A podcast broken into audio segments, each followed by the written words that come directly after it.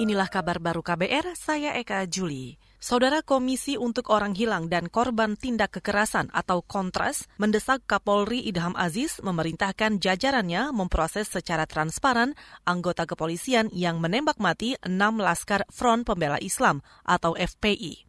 Kontras menilai kepolisian tidak bersikap profesional saat menggunakan senjata api ketika bentrok dengan anggota FPI yang mengawal Rizik Sihab di jalan tol Jakarta Cikampek kemarin. Pada peristiwa itu, polisi mengklaim tengah mengintai dan menyelidiki informasi terkait pengerahan massa untuk mengawal Rizik yang akan diperiksa di Polda Metro Jaya. Sementara FPI mengklaim diserang orang tak dikenal saat mengawal Rizik yang akan mengikuti pengajian.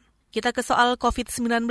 Badan Pengawas Obat dan Makanan memastikan vaksin CoronaVac produksi Sinovac Cina memenuhi aspek obat yang diproduksi dengan baik. Ini disampaikan Kepala Bepom Penny Lukito menanggapi kedatangan 1,2 juta vaksin di tanah air akhir pekan lalu. Penny mengatakan telah berkunjung ke Cina untuk melihat proses produksi vaksin itu beberapa waktu lalu. Alhamdulillah kalau di aspek mutu itu uh, sudah memenuhi aspek uh, cara produksi obat yang baik ya.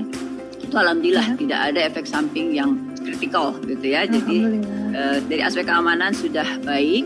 Sekarang aspek efektivitas ya hasil yang masih kita tunggu.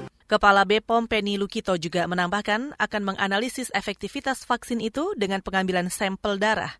Ini dilakukan untuk mengetahui seberapa efektif peningkatannya terhadap antibodi manusia. Kita ke berita olahraga. Liga Champions musim 2020 memasuki match day terakhir. Duel dua bekas juara Liga Champions, Barcelona versus Juventus akan menyemarakkan laga terakhir fase grup Rabu dini hari nanti. Saat ini Barcelona memimpin grup G dengan 15 poin, unggul 3 poin dari Juventus. Selain Barcelona versus Juventus, Siaran langsung Liga Champions Rabu dini hari juga akan menampilkan pertandingan Zenit St. Petersburg versus Borussia Dortmund. Saudara demikian kabar baru, saya Eka Juli.